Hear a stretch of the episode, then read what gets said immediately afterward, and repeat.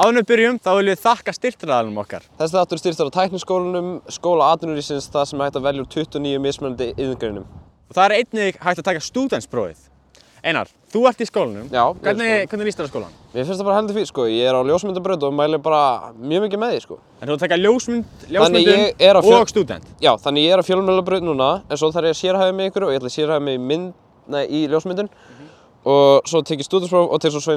í ljósmyndun. En er ekki, er ekki þrjú location á tækniskólanum? Hvernig, Jú, hann er hér allana og svo er uh, sjómannaskóli sem ég er í og svo er held ég einhver upp í Hafnarfirði, minni mig.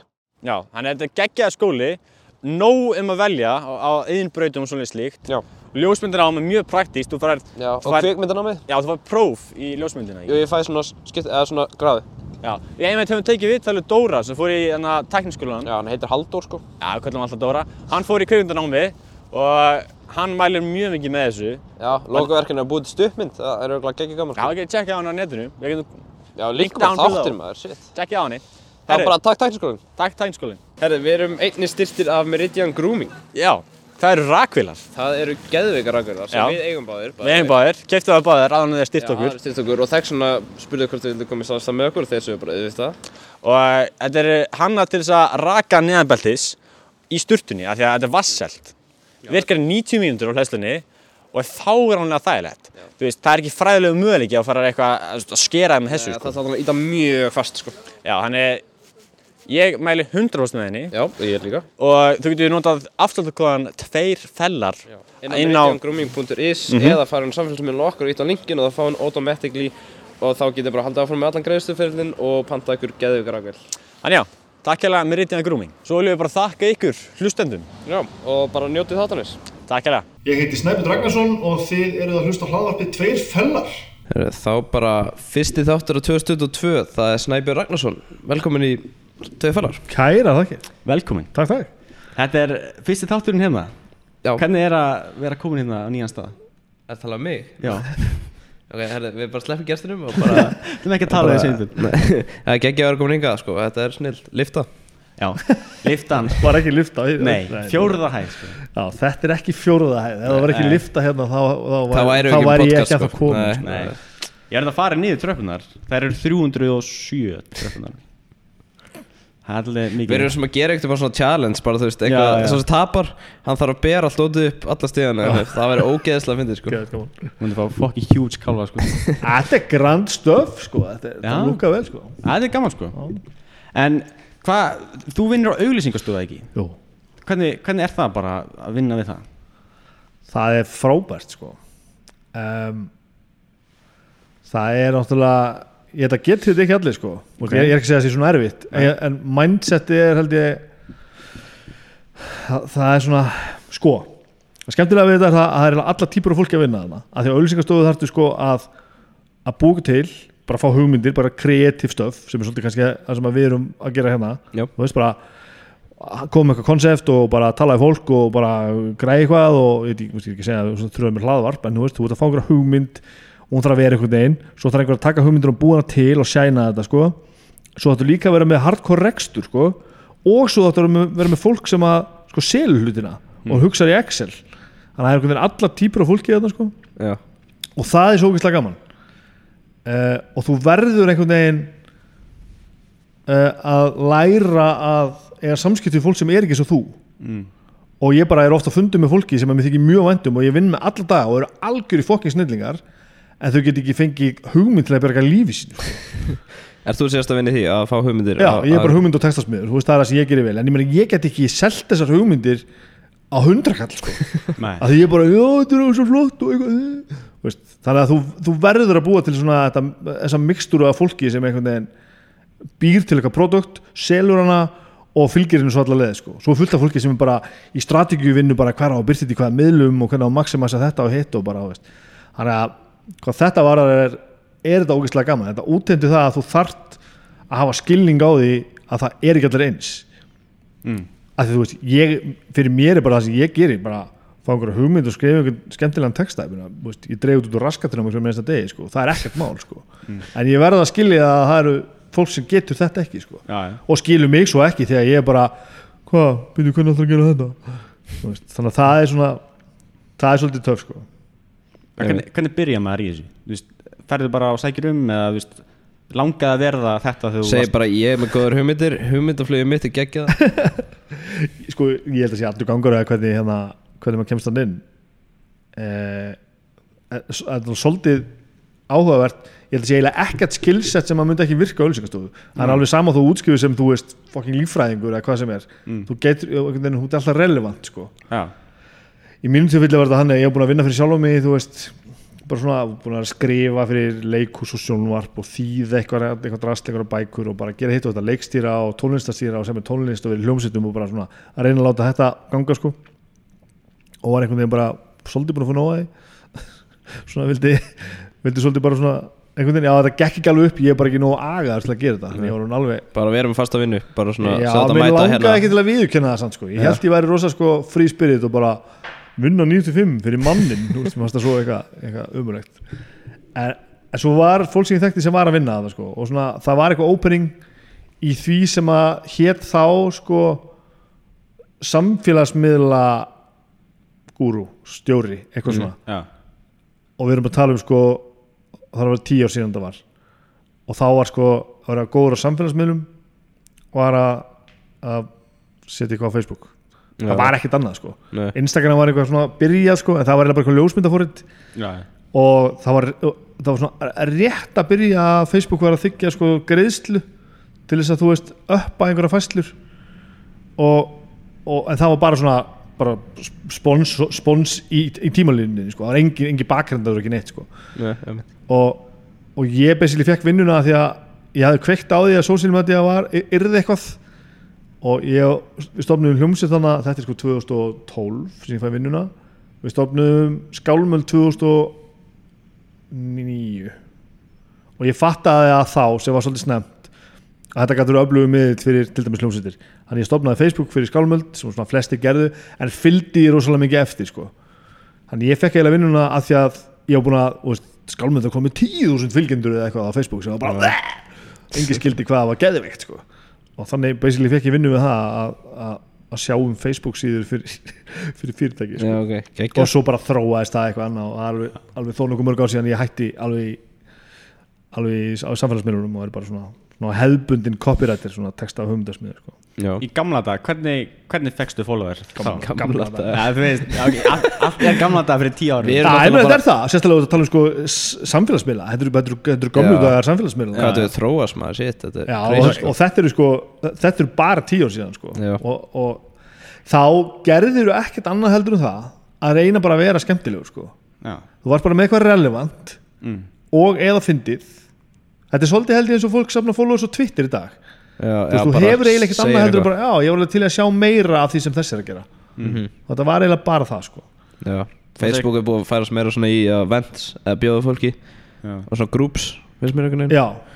Og og miklu svona fló, flóknara net orðið veist, við erum að tala um þarna var Facebook þannig sko að, að þú fórst kannski bara eitthvað, þú veist varst ég þetta morgumatinn skrólaðir eitthvað á Facebook og svo fórst út og gerir eitthvað komst kannski inn setjapartin eða eitthvað og fórst aftur á Facebook og skrólaðir og þá endaði með að þú varst komin þangað sem þú hafðir byrjað síðast. Já, það var bara einn í línu sko. Og þú kláraði bara Facebooki sem þú áttir eftir þú veist. Mm. og svo bara þurftur að býða þannig að fólk setti meirinn á Facebook og þá áttur þann þann hérna það Facebook eftir fyrir ofan bara það efsta sko. Mamma var einmitt að tala um þetta, hún fekk eitthvað memories bara fólk eiginlega bara talaði bara gegnum veggin þeirra alltaf bara þú veist svona það var ekki Messenger. Nei, þú veist bara, ert að fara hinga og taka svo þú veist, bara þú veist já og bara inn svona á veggin bara okkur þótti það bara eðlilegt að tala Já. bara fyrir allra augum bara Það er ógeðslega alltaf þú komið í matukvöld kemur ekki með þér? What? og bara, ég setti þetta bara veggin hvað er ég að gera? En ég meina við vorum ekki svona hallarsleg af því að þú veist þetta var svona miðlinn var notaður svona þetta vorum við fokkin hallarsleg en ekki bara það sko. Eh, YouTube, kom það ekki 2009? YouTube? Eh, Nei, það er 2010, miklu, miklu, 2011. miklu eldra held ég. Aha, eða ekki 2011 eða ekki eitthvað 2006 það, það er 2000 sko, eða eitthvað. Það er samt örgulega ekki lungu eftir aldamót sem YouTube byrjar sko. Ég held sér 7 ok. Ég, ég, held að sé lengra síðan. Það var kannski byrjað en þú veist, það byrjaði ekki komin inn í YouTube eða svona vídeo alveg Það eitthvað var ekki svona fyrsta, ekki, ekki, minnum svo þessi, þannig gæðin andan sem fór í Já, sem fór í dýragarðinn. Já, sem er bara ekki neitt. Nei. það er bara eitthvað vídeo af einhverju gaur að gera það Þið voru ekkert að kveikja á YouTube á þessum tíma nei, Ekki? nei það var engin markaður þar nei, það var mjög nýs þá var þetta bara svona myndbanda geimsla sko. já, já. Já, þá var þetta svolítið bara YouTube og Vimeo voru eiginlega svolítið bara hlifið lið sko. Mm. og það var ekki til eins sem var YouTuber þú veist, það Nei, nei. byrjaði ekki strax sko. nei, nei, nei YouTuber það er crazy stuff sko, hvernig það er búið að þróa já, það er ótrúlega skemmtuna skemmtana YouTube, Jú, já, eða bara jú, íslenski YouTuber já, það held ég. Vorum við myndið að tala við æskvöld einhvern daginn og þeir fengur sko 10.000 followers sérst á YouTube eða áskrifundur og þeir eru bara, ákveður er ekki svona, og það fá svona plex? Já. þú veist, fyrir 100.000, ákveður er ekki 10.000 fyrir Ísland, þú veist? Þú ert ekki að fara, fara að fara demantasköld fyrir á Íslandi Þú sko. veist, Það- er ekki þú veist, svona brons fyrir 10.000 fyrir. Íslanding allavega þú veist, þannig að það er Ameríku YouTuber að flytja hinga bara, Já, og bara, Diamond. gef mér allir Geta það. Já, svona svo, svo gullplötunar Þú veist alltaf, þú veist, miljónu eitthvað í bandaríkjunum og svo Já. þetta bara 5.000 á Íslandi eða eitthvað Já, það er gullblótað ekki Jú. Er það? Já, Nei, er hún ekki 100 ásinn? Nei, Nei, gull, nei, það er 100 er silfur úti Já, já, Það er misjandi að mynda landa, ég man ekki hvernig þetta er sko. Nú ég, það? Var með þess að gullplatan á Íslandi var sko Hún var 5.000 Nú er hún held ég 3 og 5 Í alvörunni? 3 og Er 5 það? Er þetta, er þetta alveg svona? Já Íslensk gullplata plata er 3500 Við, við getum hoppa á gullplötu, getum ekki búið til að lasa fætt 3.500 Einu var bara að segja, skilur, djóki, er þetta svona, what? Nei, ég man sko, Ötti Blöður tala hann fekk fyrir diskin eða Mhm. Hann fekk, þú veist, 5.000 eitthvað kau- kaup, þú veist, eitthvað og þá fengu þau svona gull. Eða er eitthvað með tónlist platana var, var 10.000 og er heldur nú að 7.5 sko. Já, ok Nice okay. Þannig að skálmöld alveg komið vel yfir það. Það- Við vorum að skoða hann að vjúsin í gerð Það er alveg, hvað, alveg nokklu miljón og Já, já. einu og hálf alveg bara. Fengu þið svona plek, svona Já. okay, hver- á það núna? Já, einn á mann sko Einn og mann? Já, já. Fáið þið svoleiðis? Já, já, það er gullplötu sko Ég hef alveg, alveg bunkað gullplötum hún í skúfu heima Nei, Jú akkur Æ, ég, ég er ekki alveg þessi típa Ég, ég hef í gegnum tíðin alveg sett þetta allt upp sko Eitthvað svona gullplötur upp á vegg einhver staðar og, og veist, svo er einhvern veginn og svo í einhver svona velunagripi eitthvað svona eitthvað hljómsveit ásins, eitthvað svona eitthvað textahöfundur ásins, eitthvað svona og eitthvað ég seti upp á hillu eitthvað og, ég að Agnes, kona mín, hún svona einhvern veginn bara er ég sama að ég seti þetta eitthvað annað og ég bara, já, til dæmis bara setja henni í skáp eitthvað, af því að þú veist, þetta er einhvern veginn ég er ekki alveg þessi típa sko. ég bara vil hafa bara plötuna mínar og myndasvita mínar og ramaskítarar mína og bara bassa og dót og við erum einhvern með dót og allt. Og svo kom bara, ég vil fekar hafa bara málverk eftir vini mína sko. Mm, eitthvað já. þannig sko. Reyndar. En ég er einhvern veginn bara að ég veit ekki. Þetta ég, ég hérna svo viðtal við Nick Cave um daginn sem er mjög, mjög sjálfgæft orðið að veit einhver viðtöl. Og hafa verið að spyrja hann eitthvað út í bara hvað er upp á platan þín með þér? og eitthvað svona. Og hann eitthvað reyndi að svara þessu og talaði svo um það hérna sem ég tengdi ógeðslega mikið við. Ég er bara einhvern veginn þannig gerður að ég er aldrei að hugsa um það sem ég er búinn að gera þetta er alltaf bara hvað er ég að fara að gera næst sko? Og ég, ég held að þetta sé bara einhvern spurningum hvernig manngerð maður er sko. Mm. og ég man veist, og plö, ég er búin að gera fullt af plötum og ég er búin að gera ógeðslega margt sko sem ég er mjög stoltur af en ég hugsa rosa sjaldan um það Heldur þú getur tala upp alla plötuna sem við verðum í? Ef þú myndir reyna það Þú er náttúrulega með svolítið margar sko já, ég hugsa ég geti nú ég, ég, ég er líka svona, svona, svona kerfisbundin í hausnum á mér ég hugsa ég geti svona farið í gegn, gegnum Já, það, já gegnum grittið sko En þetta byrjar, þú veist, þú hefur verið í nokkur hljómsveitum Er þetta ekki Invortist, Ljóti Halvöldinir, svo skálumöld? Jú. Það ekki? Jú. Hvenær byrjaði Invortist? Það- Ekki 97 nei, nú ætti að segja eiginlega jú, 96, 7 eitthvað Ég sá, ég var að fann á hana tímarit.is Fyrsta stóð það 97 97, já, það kom Ok, fyrst þá er 97 Þannig að myndin hann sem er, er naktir eitthvað svona. Já, já, já, það er, það er plata sem við gerðum Já, frá plata, 98 já, eða eitthvað svo Nei, það var 97, það var myndin þar Ég plata 97 Ég held það Ok, það var- þá er bandið sem þú voru til hann 98 eða eitthvað. Nei, 96 eða eitthvað ja. mm. En þetta eru við fjóri sko sem að byrjuðum að spila í bílskúr á vorum alveg bílskúrsband sko. Mm. í janúar 91 Mm. byrjuðum við að spila í bílskúrum hjá Agavinu mínum sem er núna með mér í í Já. og söngvarinn í þeirri hljómsveit var Böbbi sem er núna söngvarinn í Skálmöld sko þannig að það, það held sér alveg sko. svo fórum við í gegnum eitthvað svona tímabil spilum eitthvað svona bílskús, punk og rock og eitthvað fórum svo að spila döðarokk og aðeins mannabreitingar en svo enduðum við fjóri saman aftur og það var innvortið sem er svona punk rock band sko. Mhm.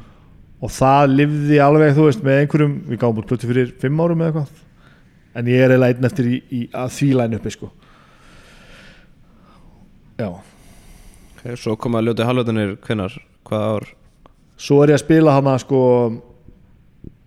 já, spila í nústinsan kringum aldamót 2000 og eitthvað eftir það. Við, svona, við spilum svona svo mikið en, en gefum ekkert út, við erum lítið að semja og, og, og þá erum við rosa mikið í sambandi við hérna, erum að taka þátt í leiksýningum hjá áhuga leikfélaginu hugleik sem er ótrúleg ó, ótrúleg samkoma, hrikalega gaman. Og þar er fullt af mönnum og auðvitað konum líka en þessum mönnum sem ég er að fara að tala um að norðan, frá húsæk og svona líka menn sem er aðeins eldri eldur en ég. Og við erum alltaf einhvern veginn að að fullta partíum, sko. alltaf verið að setja upp leiksýningar og það er alltaf einhver svona, einhver svona viðtöl nei viðtöl svona kvöldvökur og, og, og svona, svona fyrirlestrar alltaf segja, ekki viðtöl alls konar svona dót og alltaf partí. Og, og það verður einhver svona íþrótt að semja músík og, og vera fyndinn einhvern veginn.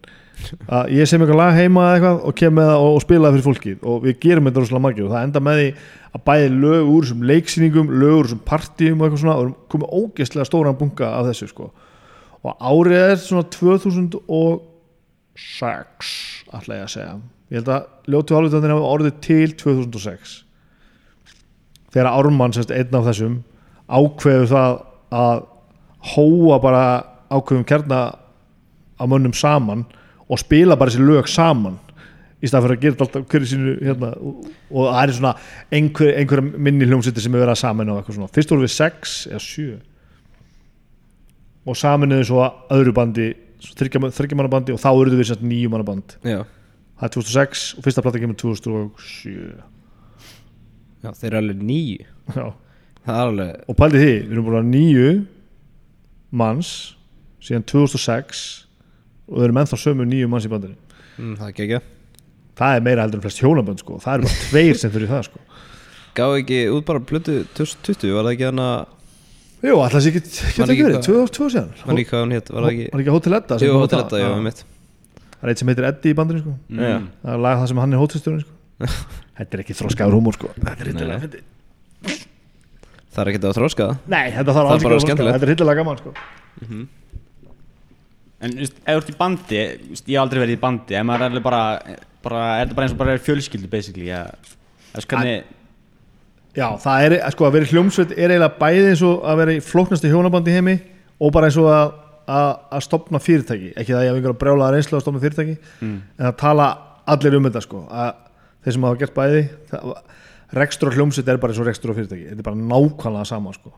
Og, og ég var bæði heppinn og einhvern veginn fattaði það snemma að allavega mín aðferð til þess að láta hljómsveiti ganga upp það snýst miklu meira um að, að, að mannskapurinn passi saman heldur en nákvæmlega hvað einhver getur sko. mm. hljómsveitin verður aldrei frábær bara af því að einhver er svo ógeðslega góður trómur ef hann er fucking fáiði þá virkar bandið ekki Nei.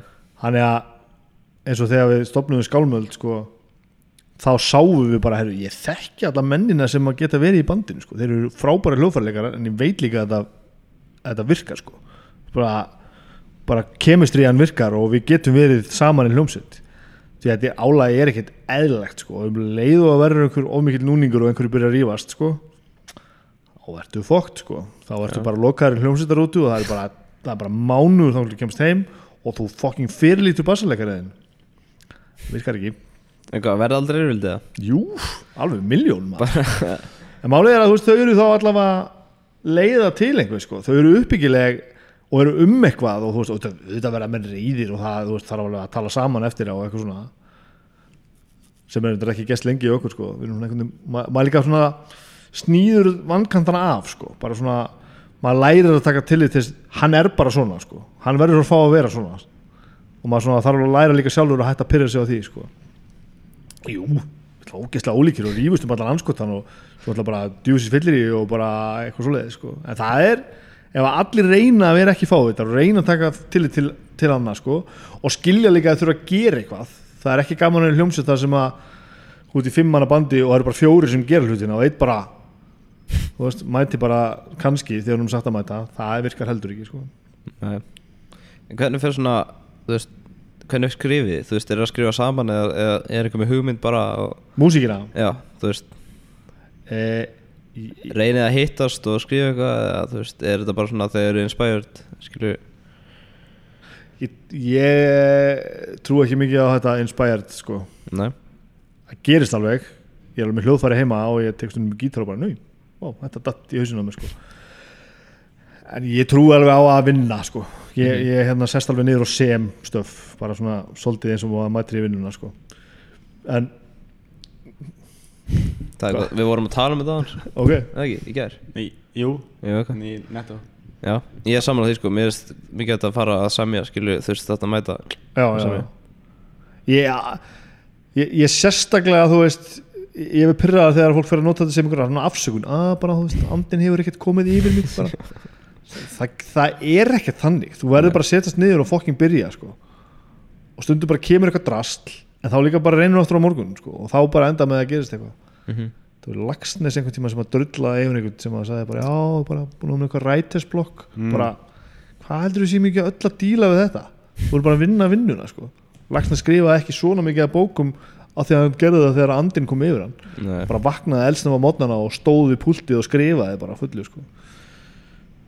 uh, en, öll bönd ég veit ekki hvort það er bara því ég er hún vanur því sko. En eiginlega öll bönd sem ég er í músíki verður þannig til að menn fá hugmyndir sko, og semja riff eða lög jafnvel heima eða eitthvað. En enda produktið verður til sko, á gólfinu. Að, að hérna, við komum saman eh, sá sem samdi spilar þetta fyrir hinna kennir þið með, með eitthvað demo eða whatever sko. allur gangur eða hvernig við gerum það en svo tekur bandið það og svona hefur skoðun á því og breytir jafnvel og, og kannski var ég bara með eitt kabla eða tvo eða eitthvað og, og þessi var með eitthvað meira og þá reynum við að blanda því saman eða kannski ekki blanda því saman eða taka því sundur og setja þetta öðruvísi saman þannig að yfirlt er þetta þannig að, að koma hugmyndir að heiman menn eru konið með eitthvað en loka produktið verður til bandi býrða til sko. mm. mm, um Myndir þú segja að það væri græðuperri? já, Geggjað hvað ertu búin að hugsa þessa spurningu lengi eða þú er búin að vera eitthvað svona get alveg, Ég ætla að alveg spyrja þetta. játa, játa það fyrir ykkur að ástæða fyrir að tímitum setna var ekki bara umferðin heldur. Ég varð að koma við hljóðfærasunu og kaupa tvær djakksnúrur. Ég er alveg svo sjúkur sko. að ég, ég á alveg tvær djakksnúrur sem döga sko. Já, en ég er bara, ég er bara að fara að spila með hljóðstinni Bastardi sem að vinnum minn Addi Solstöðum hérna stopnaði og eiginlega á. Og ég er búin að búin að gera effektabrættið sko, ég er að spila gítar það sko Mhm. og búin að vera bara síðustu viku bara, bara, bara og það er bara pásuplæðið og bara brettið og bara petalarnir og allt og bara með gamla Marshall-magnarar minna að bara snúa tökkum og bara og sándið sem ég er búin að finna er, það, er, það, er, það er sturlað sko það er bara besta gítarsánd sem ég hef verið með á æfinni sko mm. sá hvað ég er spenntur sko og ég er bara horfa á alla takkana og bara magnarinn minn er bara frá 1980 og eitthvað og, er bara, og ég bara svo horfði ég bara á þetta og bara með gamla bara Gibson Les Paulin minn og bara "Rah, þetta er allt gæðugt og svo bara horfði ég á, á, hérna, á þetta og bara mig langar bara í aðra snúrur með þessu sko. Og það kostu bara, sí, bara marga þúsund kalla. Marga? Það var hundruð? Nei, ekki mörg hundruð þúsund kalla. Nei, ég kefti bara ég borgaði bara fimmstafa tölu fyrir tvær jacksnúrur á þann sko. Tvær? Hvað fyrirtæki? Hvernig, hvernig... Vor, Vormódjó Já, ég veit ekki hvað það er. Að fannst í ljófarhúsinu Ég nota, hvað heitir þetta? Ég veit ekki, Há eitthvað. Heroes Nei, Hósa. Hósa Technology. Ah, ég myndi ekki borga svona mikið fyrir þessa sko. Nei. En já, ég, ég er mikill að græðu brjálæðingur sko. Mm. að því hún tala YouTube á þann sko, ég, ég eigði miklum tíma í að horfa á græjur á YouTube. Ertu með hana gænana sem er með hárið langa, alltaf öskra? Hana Bissu logo eitthvað SFX heitir það eitthvað? Hljóðfæramál, nei, ertu bara að tala um full mag. Já, já, já, já. hann er alveg já, ok. Hvað? Ég ætla að segja það veit enginn hvað þú. Jú, Þú ert á dark web Ég horf á sko. alla YouTube. Óli sko er bara með Bara línu sko að þetta er mest gítar og hljóðgræjur sem ég er að, er að, Já. og er að horfa á sko. Hann var að gera eitthvað. Það var svo nett. Hann var að replacea XLR snúrum með Ethernet snúrum. Það? The fuck? Nei, við erum ekki að tala um saman mannin þú verður að senda mér hlekk núna sko. Já, þetta er svona cool. Hann, Þú veist, hann er með svona stúdíó Og veist, í staðin fyrir að hafa skilur tíu XLR snúrur Getur haft bara eina já, Ethernet. Í Það er svo nett sko. Það er, um, hvernig meika það sens? Ethernet er bara the next game, sko held ég Já, það er bara hljóðin, er- hljóðið er bara tekið og pakkan er í, í, í stafrænt stafrænan pakka, Mm. sendt bara sem netskilabóð yfir Já, og þar er því bara konvertið aftur í hljóð sko. það er ok. sko. snákar þú veist, að, Mm. veist, sem voru alltaf svona þykir og alltaf með, með eina línu fyrir þú veist, 20 ára snákur og bara með 20 línur í einum snák sko. Já, já nú er það bara einu íþjóttisnúra bara Það- í vegginu næs. örum minn og eins og front of house og upp á svið mm. það var bara, bara internetkaball sem bara stungið í samband og svo bara kemur hann til vegnum upp á sviðinu sko. Já, það, það er nett. Það er geðvögt Áttu, áttu mikið að græða með? mm, ekkert eitthvað styrlað sko. Ok. Ég var verri, ég átti þú veist alveg bara tíu bassa eða eitthvað. Já, og, og þú veist ég meni ég áhörlega fjóra, fimm bassa og fjóra, fimm rámaskítara eitthvað svo leiðis uh, og alveg einhverja gítamagnar á eitthvað svona en ég einhvern veginn náði þetta balanseraði sko. Ég var farin að sapna svolítið. Já, og held ég myndi aldrei selja neitt og svo komst ég að að það er bara sumt sem maður þarf ekkert að eiga sko. já. Þannig að ég er svona eins og með þessar hljómsett sem er í gangi núna Bastardur, sem að addi vinnu minn bara gefur út plötu og ég á, er fengið til að spila á gítar í bandinu og þá á ég, þú veist, allt sem þarf einhvern veginn, sko, þú veist, ég á Marshall magnarana mína. Og ég á Gibson gítarinn minn. Mm. en ég á ekki, þú veist, það er ekki þannig að ég hef getað svona labbað inn í eitthvað herbyggi og valið hvaða græður ég átt að nota, sko. En allt sem ég svona allt svona skillset sem að ég, liggur fyrir mér sko mm. ég á yfirleitt tæki til þess að gera það. Já, ég á rammarskítarinn og ég á uh, bassana og þeir eru tjúnaðir sumir í E og sumir í B og, og, og, og þú veist og ég á magnarana og formagnarana ég á mikrofónana, ég á þú veist príampana, ég á tölvu til þess að taka upp og eitthvað svona sko. Eh, en ég á líka þú veist, heimamagnarana sem ég þarf ekki að eiga þú veist, svona einhvern, einhvern módúlumagnarana sem ég geðu ykkur sko. Og þegar kom ný útgáfa á honum þá varði ég að kaupa hann sko, ég var að selja hinn og kaupa þennan. Þannig ég er alveg þarna sko. Já, Hvern, hvernig mikrofón áttu? Mér langar að vita það. Hvernig mæka á ég? Ég, ég, við- ég er ekki uh, ég er ekki með stúdíu sko bróður minn er í því sko. Hann á alveg slatta af einhverjum mækum og, og, og dóti. Ég á bara bara sjörs bara SM7 Mhm. og svo eitthvað þú veist meira ég á, ég á söngmæki minn sjálfur þú veist ég á SM58 og Þeir ekkert tvo hana- og ég á einhverja betur og eitthvað. Já, Neumann. Mm. Er þið komin í það, að, að bróðin í því?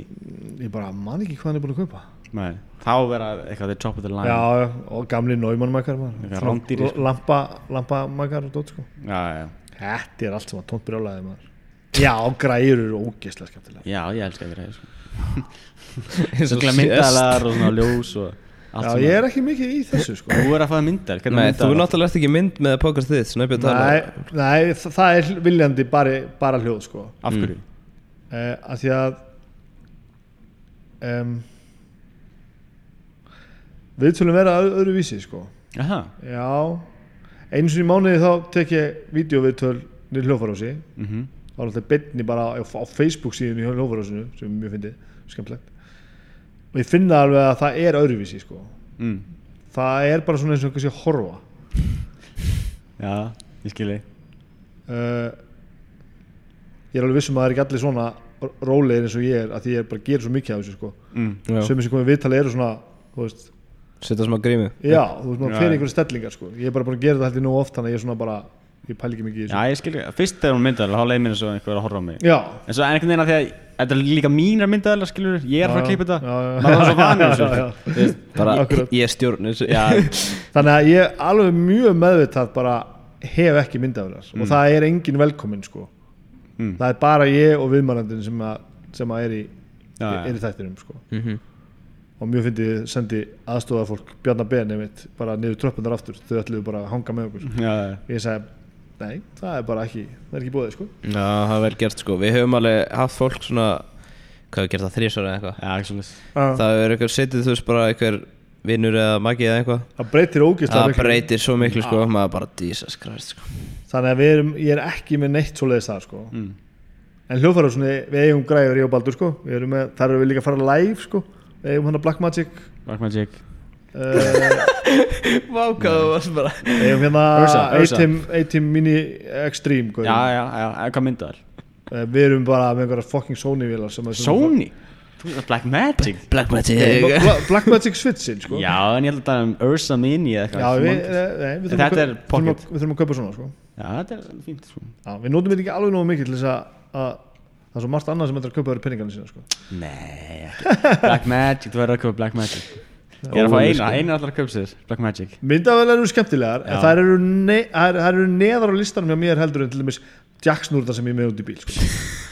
Þetta er og Mono við erum að tala um Jack snúru sko. ég er bara, Þetta er Mono Jack snurur ekki já, þetta er bara Þetta er já, bara, já, ég á svona stereo Jack snurur það hjálpa mér ekki til að spila á gítar sko. Nei, ég, Nei. ég veit ekki af hverju þessi á Jú, fyrir hljóð bara, þú veist, Já, já, já, skilja. já, ég ásóðið líka, en ekki fyrir gítarinn sko. Nei, nei.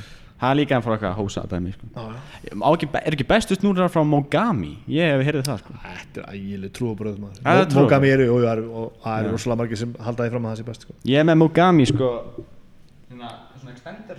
það það Já. að það er Af því að ef þú farið Mixpri, áttu ég veit ekki hvað það er Mixpri, þú veist þannig að það er rekorderinn Nei.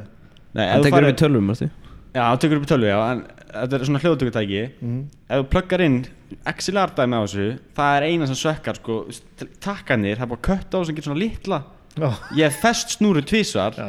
Og um tvo tíma náðum hann úr, sko Ég, þegar náðum úr Releaseið sem ég fann var bara ah, Ég elska ekkert meira í heiminum þegar eitthvað fyrir svona úrskeiði sig Óla og það hann bara, hann fer bara, hann fer bara í full panic mode sko. Það er búin að koma með tangir, sko. Já, þú varst byrjað að ringi mig og allt sko. Við tókum snúri í sundur og bara byrjum að Svo bara komum við út allt í hennu bara Ég lent- Ég lendi í þessum daginn með bara ódíðan hljóðkortið mitt. Það var bara út af það var bara þegar Axel Erstúru var léleg sem ég var með sko. Já, líka það, sko. Það er gott Það er það snúri sem eru með sko gatinu. Þú veist, þannig að Axelar, þannig að Connectunum, Já. þannig að fer eitthvað pinni inn í það Og svo vill hann ekki fara út og bara allt í voli, sko. Ógislegt, sko. En núna þegar við fyrir að tala um okkar eigin podcast Já. Þá lífum við þess að ég kom inn í sketchina að sperga bara. Já, að Jesus Christ. Það er hættulegt, sko. En samt, það er alveg podcastið þitt. Það Það Það er við að tala um podcast Þetta er sérst, þetta er, er þetta ekki undir hljóðkirkjunni þar sem eru átt að hlaðverp Sérst, þú veist, Já, og sem jú, er talað ég- af fólk ég- Er sko. eitt af því? sko Fá.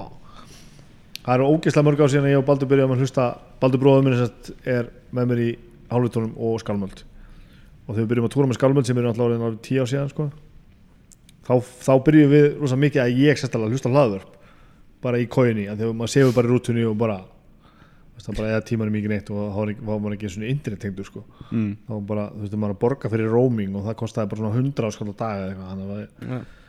sem var gott líka sko. Ég las svo ógeðslega mikið að teiknumyndasögum og hlustaði mynd á hlaðvarp sko. Og þá var eiginlega svona pínu hlaðvarp en það svona pínu svona bara hvað, hva, fólk skildi þetta ekki. Og svo þetta væri eitthvað svona hættulegt og eitthvað bara svona hvað, hvernig gerir maður þetta? Það væri eitthvað þú veist Bara eitthvað nýtt. þú ert bara að hlusta á mp3 fæl sko, þetta er ekkert merkilegt og ég var eitthvað að sína baldur þetta og hann var eitthvað að setja að kveikja á þessu en kveikti svo á þessu og og bara já, fannst þetta fór að hlusta líka.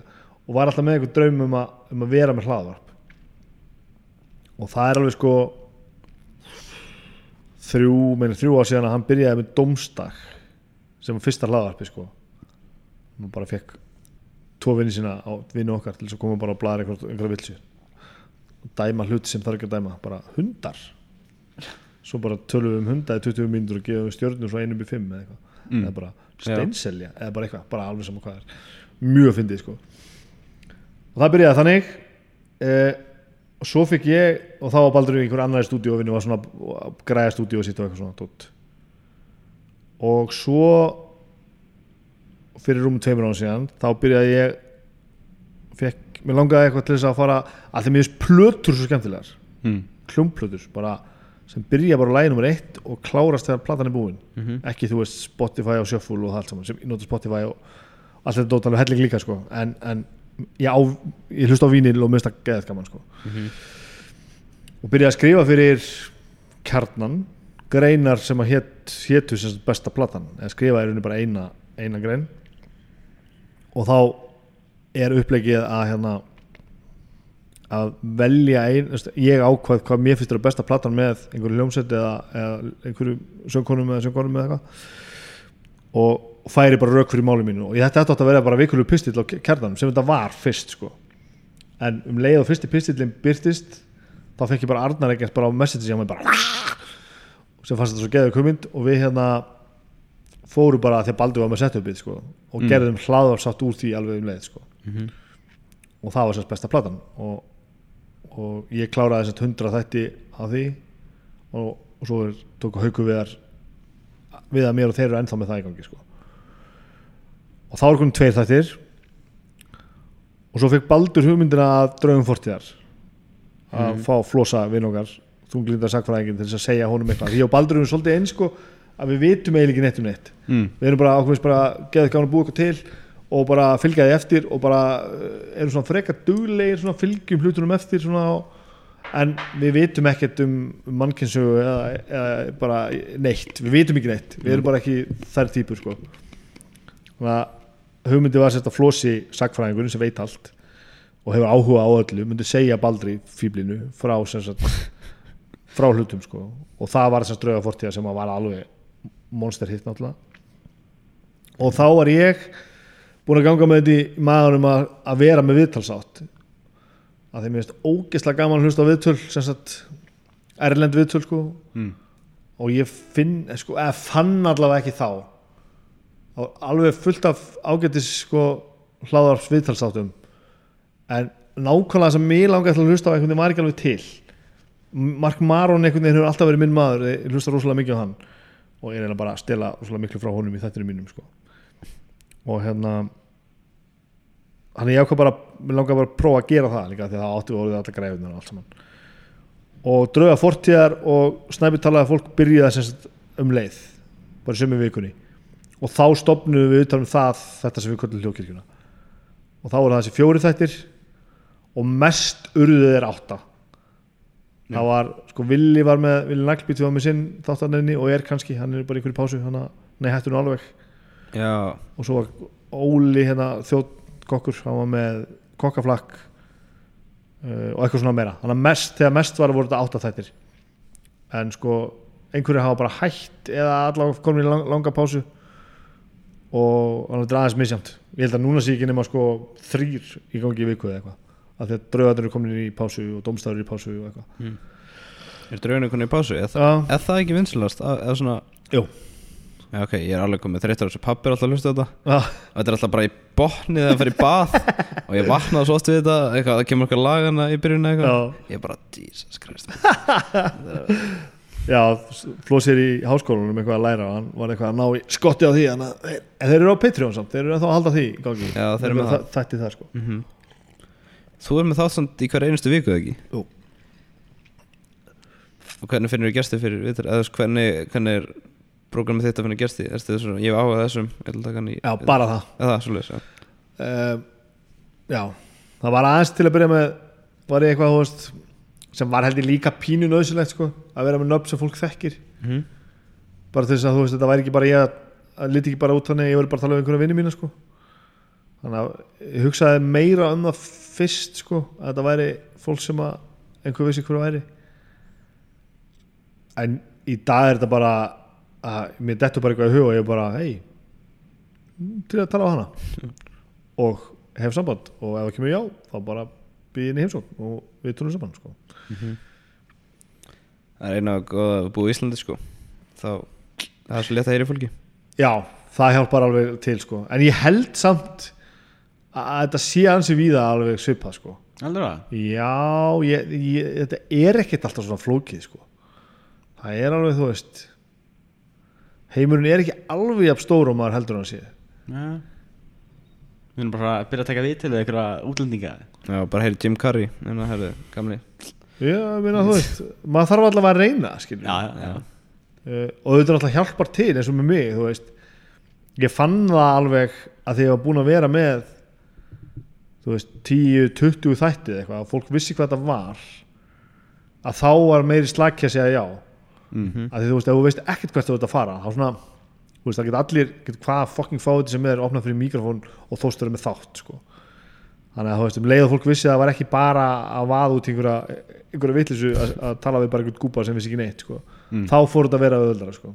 mm -hmm. og ég er með eina reglu fyrir utan reglan er sem sagt, ég tala við með langar til að tala við það er eina, eina reglan fyrir utan það að ég er með 50-50 kynja hlutvall alveg Já, sko. já Við erum að fucka Já, við erum fokkað þau upp, sko Já. Við erum ekki búin að Við erum, hvað er, hvað er Við erum samt alveg búin að heyri fyllt af, þú veist, ilmi og öllu þeim og Já, við erum bara lélegir í þessu sko já. Við erum búin að fá, hvað, þrjár konur já þetta Já. er ekki nú gott sko hjá mér var þetta þannig að það var erfiðara fyrst sko. Já. ég fekk fleiri nei bara, Já, nei bara já, það, uh, ég, f- það voru fleiri konur sem sagði sögðu nei og í þessu örfáðskipti sem einhver hefur kansilað þá hafa það verið konur mm. en það var mjög snemma Ok, og ég, veist, þetta er bara okkur að kenna sko. Við, við erum bara stórir og frekir og menn og ég er bara eitthvað svona loðin rockdurgur á miðjum aldrei með skegg sko. og um leið og uh, maður gerir þetta nú oft og um leið og maður er með þátti nú oft þá jafnast þetta algjörlega út sko. mm. og það er hérna freka núna að halli á hinn áttina sko. já og þetta er bara eitthvað sem við verum bara dörrullast til þess að gera. Við, við erum vandamálið sko. við þurfum að, að halda þessu gangandi sko. svo er þetta alltaf geggjaði þettir svona, finnst mér. Svona, að þú eins og með Júlíu og það, það var mjög gaman. Já það er með konum? Já, Já, já, það, já það sem skiptir ekkert málið, þú veist, af því það eru konur nei. Hvað ég er bara að segja, Nei, það já. er engin ástæða okkur ekki já, já, já, já, átt- já, ég skilji já. sko, eitt í þessu samt maður sækir alveg í fólk sem er líkt manni sjálfur Já, sko. já. Mhm. Við erum alveg að tala um þetta, við relatum miklu minna við konur sko. Já, og það, maður þarf að tegja sig sko. við eigum að fokking tegja okkur í þar átti sko. mm. en ég fann það ég var alveg svolítið marga mánuði að að læra að vera eins fatti, sko, í viðtölum og svo ég veit þetta hljómar aðstæða en það, það er bara fakta það er auðveldra fyrir mig að setjast á móti manni sem er nákvæmlega jafn gamall og ég nákvæmlega eins og ég á litin og tala nákvæmlega sama, tung, sama tungumál og ég heldur en að er að setjast með konu sem er á öðrum aldri af öðrum uppruna og er bara ekki eins og ég. Þá bara svona verður maður eitthvað svona spýtukall og bara, bara löðu sveittur eitthvað að reyna að halda kúlinu sko.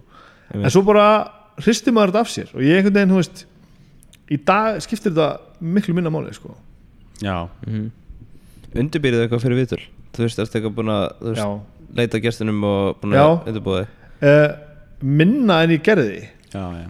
Mm viljandi sko, það er ekki leti Nei, það, maður á ekki undirbúið eða svona, maður undirbúið sig en maður ekki, undirbúið sér rétt sko. já, ég vil ekki vita allt. Já, Nei. ég lendi í því við sko. erum nákvæmlega saman að því sko, það er bara Þetta er, við erum alveg eins, við byrjum sko skanna fólk bara. Já. Nei, þú veist, við bara þetta þeir eru bara, satt með ártölur hreinu með mig hérna sko, þannig að þið hafi greinlega leitað eitthvað ég, sko. nei, Þetta er einu sem ég veit sko. Ég, ég fó bara smá, Já, ég það- elska bara fann að tíma að sjá hvernig það sé að fyndi um þig sko. Ég, Það er alltaf svona gaman. ég, ég tek alltaf smá bara svona eða spurningar sem við spyrir um dogskjál Já, og svo var pappi minn alveg bara ertu að fá snæbjörn í viðtal? Þannig að ég er með fullt af einhverju sem þú veist, hann var í Invortist hann var alveg bara, þú veist, það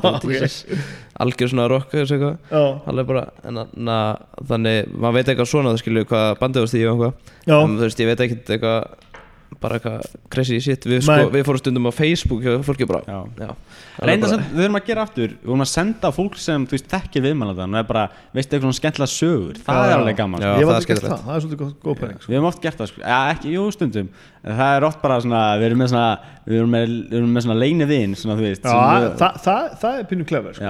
Ég vil að horfa á eitthvað tips maður á að láta fólk rifja upp gamlar memories, af því að þú veist, það er gott sko í þættinum.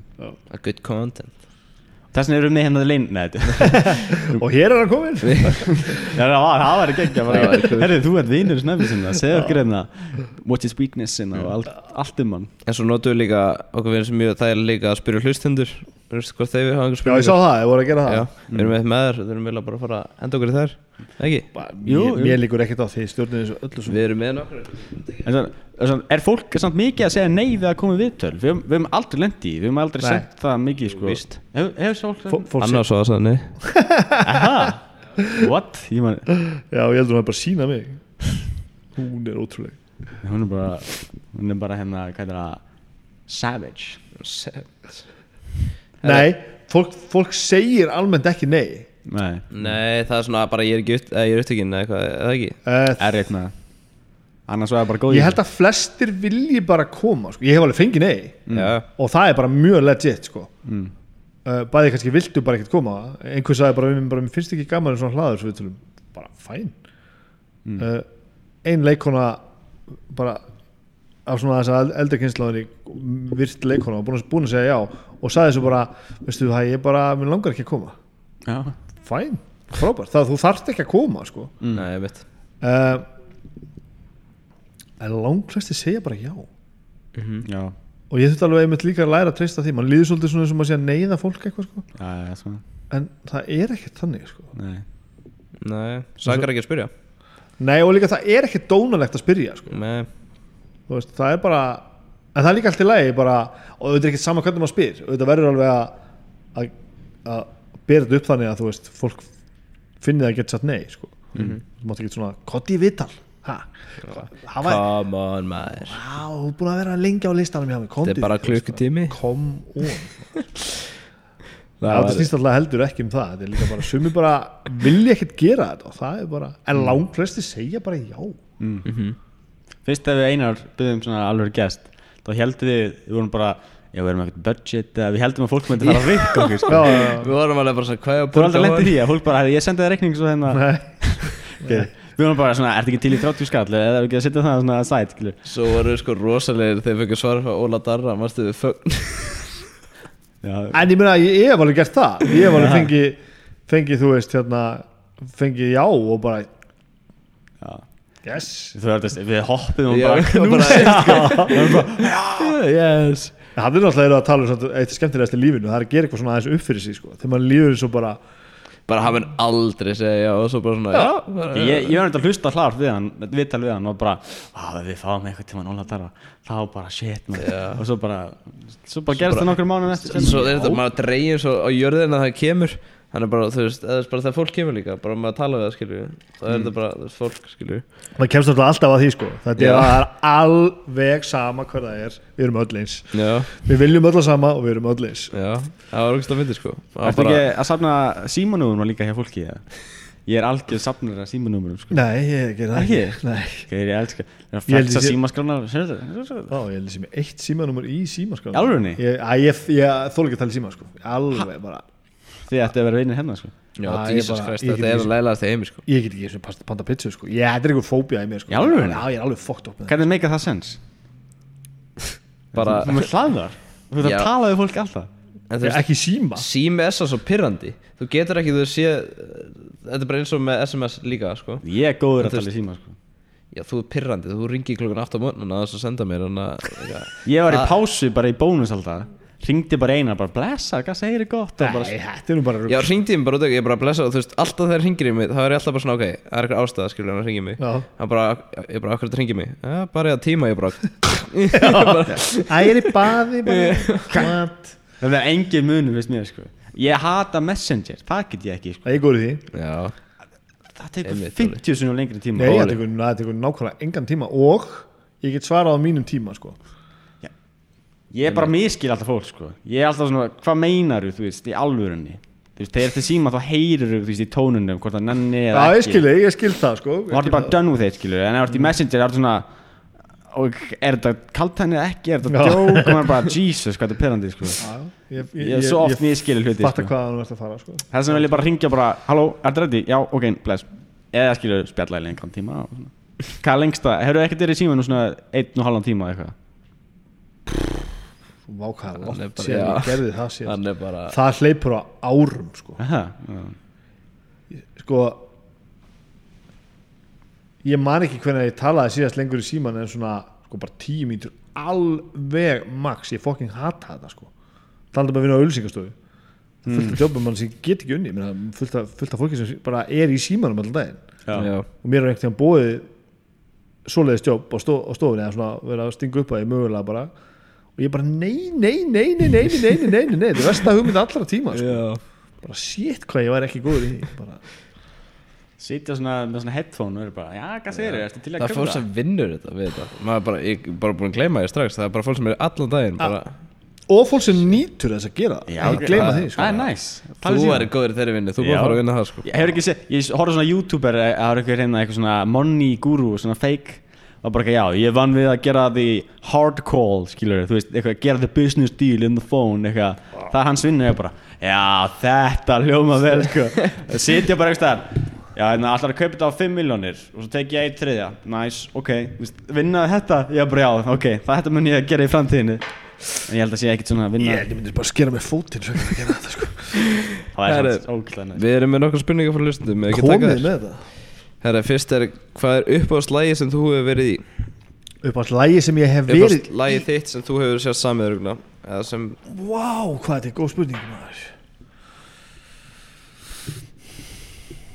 Það er ekki séns að svara þessu sko. Upp á slægi sem Sko ég á alveg sko Ég á, ég á alveg upp á lög til að spila tónleikum og svona mm. uh, Það er kannski Það er kannski rétt að segja þessi upp á slægi Sko.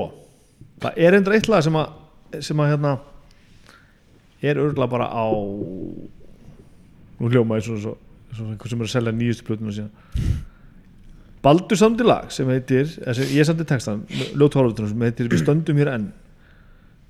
Og þetta er bara svona viðlagið er bara, við skálum fyrir þeim sem að fóru allt og snemma síðan, síðan fögnu þeim sem standa Já, enn. geggjalag og ég fatt það bara daginn, hún spildi á græna hattinu ég bara, þetta lag skipti mér bara í alveg alveg ógæðslega miklu máli. Ég veit ekki alveg hvað þetta er, við hittum einhvern veginn á þetta sko. Og en það er meira eitthvað svona stemning heldur en ákvæðlega sko hvort mér finnst lægið svona gott sko. Uh, og það er þú veist sumlegur eru bara þannig að mér finnst bara gaman að spila þau. Þú veist nibblheimur með skálmöld sko alltaf það er ekkert eitthvað svona fan favorite.